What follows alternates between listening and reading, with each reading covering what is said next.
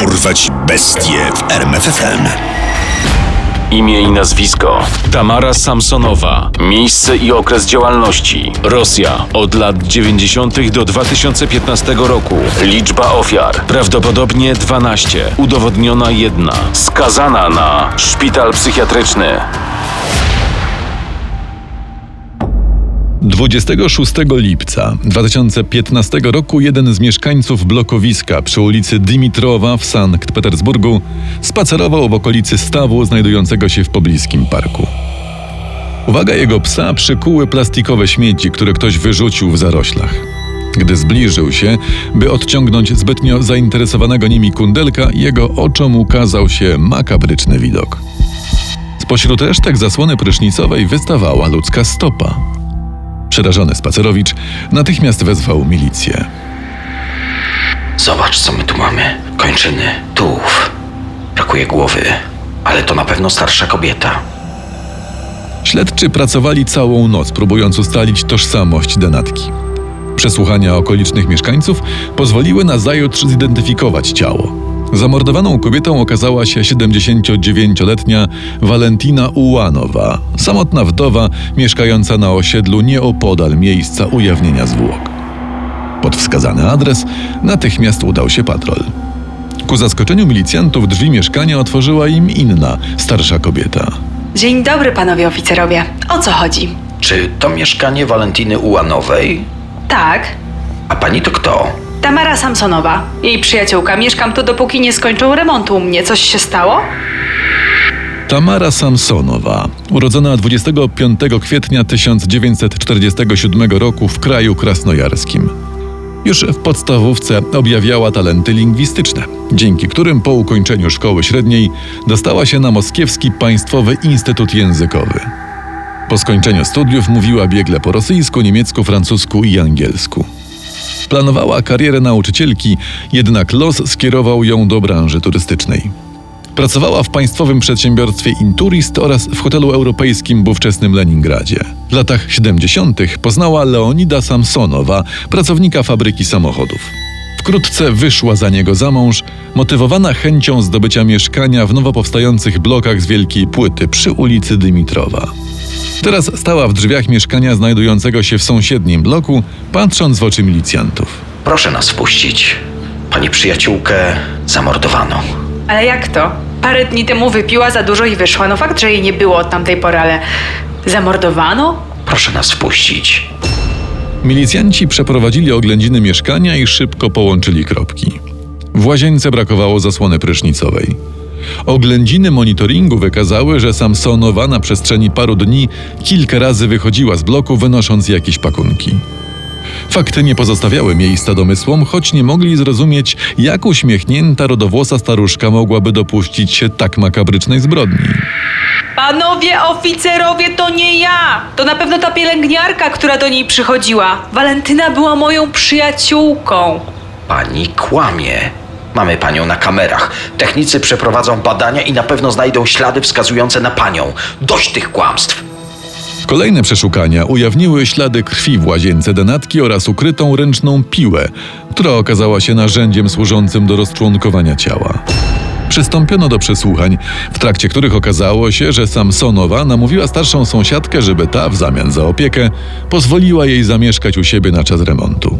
Kobiety przyjaźniły się i czas upływał im całkiem miło, do czasu, kiedy rzekomy remont zaczął przedłużać się do kilku miesięcy, a towarzystwo Tamary zaczęło ciążyć u Łanowej. To w konsekwencji doprowadzało do coraz częstszych kłótni. Tego dnia przyniosłam jej sałatkę, tę, którą tak lubiła. Wcześniej w aptece kupiłam leki nasenne, te najmocniejsze. Nadziałam sałatkę całym opakowaniem pigułek i patrzyłam jak je. Chyba pół godziny później straciła przytomność i upadła. Zaciągnęłam ją do łazienki i zaczęłam ciąć, bo w całości bym się jej nie pozbyła. Śledczy byli w szoku. Starsza pani, wykształcona wdowa, bezwzględną morderczynią. Zaczęto prześwietlać jej przeszłość. Jak się okazało, w 2005 roku Samsonowa zgłosiła zaginięcie męża. Wieloletni związek nie przyniósł im dzieci, ale według zeznań świadków się kochali. Dlatego wówczas uwagę milicjantów przyjmujących zgłoszenie zwrócił spokój żony zaginionego, z jakim składała zeznania. Panie oficerze, tak po prostu, po tylu latach małżeństwa powiedział, że idzie do kiosku i nigdy go już nie zobaczyłam. Uwierzy pan? Poszukiwania Leonida nie przyniosły skutku i po jakimś czasie uznano go za zmarłego. Nie powrócono do wątku jego żony. Od pewnie starszy pan gdzieś się zagubił i zmarł, a ciała dotąd nikt nie znalazł. Zdarza się. Nieco więcej światła na mroczną historię baby Jagi, jako chrzciły ją media, rzuciło przeszukanie jej mieszkania. Znaleziono tam pamiętniki pisane w kilku językach. Wasyl, ty znasz francuski? A nie, tu jest też po niemiecku. Dobra, damy to. Biegłym do rozpracowania. Lektura zeszytów Samsonowej była przepełniona ezoteryką, chaosem i szczegółami dotyczącymi spraw, które dotąd figurowały jako niewyjaśnione. Łącznie nawet 12 spraw morderstw popełnionych głównie na mężczyznach. Jedną z nich było zaginięcie 32-latka zgłoszone w 2003 roku. Siergiej Potanin przyjechał do Petersburga w poszukiwaniu pracy. Jego rozczłonkowane ciało znaleziono w okolicy bloku Samsonowej. W jednym z worków ze szczątkami znajdowały się strony z książki o tematyce astrologicznej. Takiej samej, jaka była w mieszkaniu Tamary. Takiej, w której brakowało dokładnie tych samych kartek. Dowód osobisty jakiegoś faceta. Moment. Tak. Jego zaginięcie zgłoszono 12 lat wcześniej, w 91. To też jej sprawka. W workach z ciałami każdorazowo brakowało fragmentów, wobec czego wysnuto tezę, że Samsonowa dopuszczała się kanibalizmu. Jednak jednoznacznych dowodów potwierdzających ten fakt nigdy nie zdobyto. Lektura zapisków Samsonowej skłoniła śledczych do połączenia jej ogółem z dwunastoma sprawami zaginięć i morderstw, między innymi mężczyzny, którego w swoich dziennikach opisywała jako kochanka. Ona jednak podczas przesłuchań do niczego się nie przyznawała. Również zaginięcie jej męża najprawdopodobniej było jej sprawką. Z pamiętników wynikało bowiem, że mogła go otruć i pozbyć się ciała. Panie prokurator, to nie ja, to ten sąsiad z góry. Wredny chłop zawsze mnie prześladował, to na pewno on.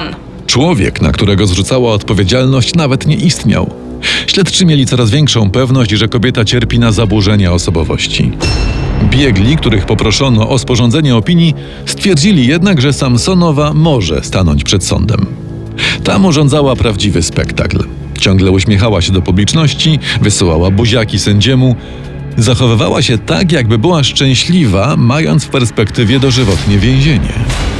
Jestem stara, samotna, nie mam męża ani dzieci. Na wolności umarłabym i nikt nawet by mnie nie pochował.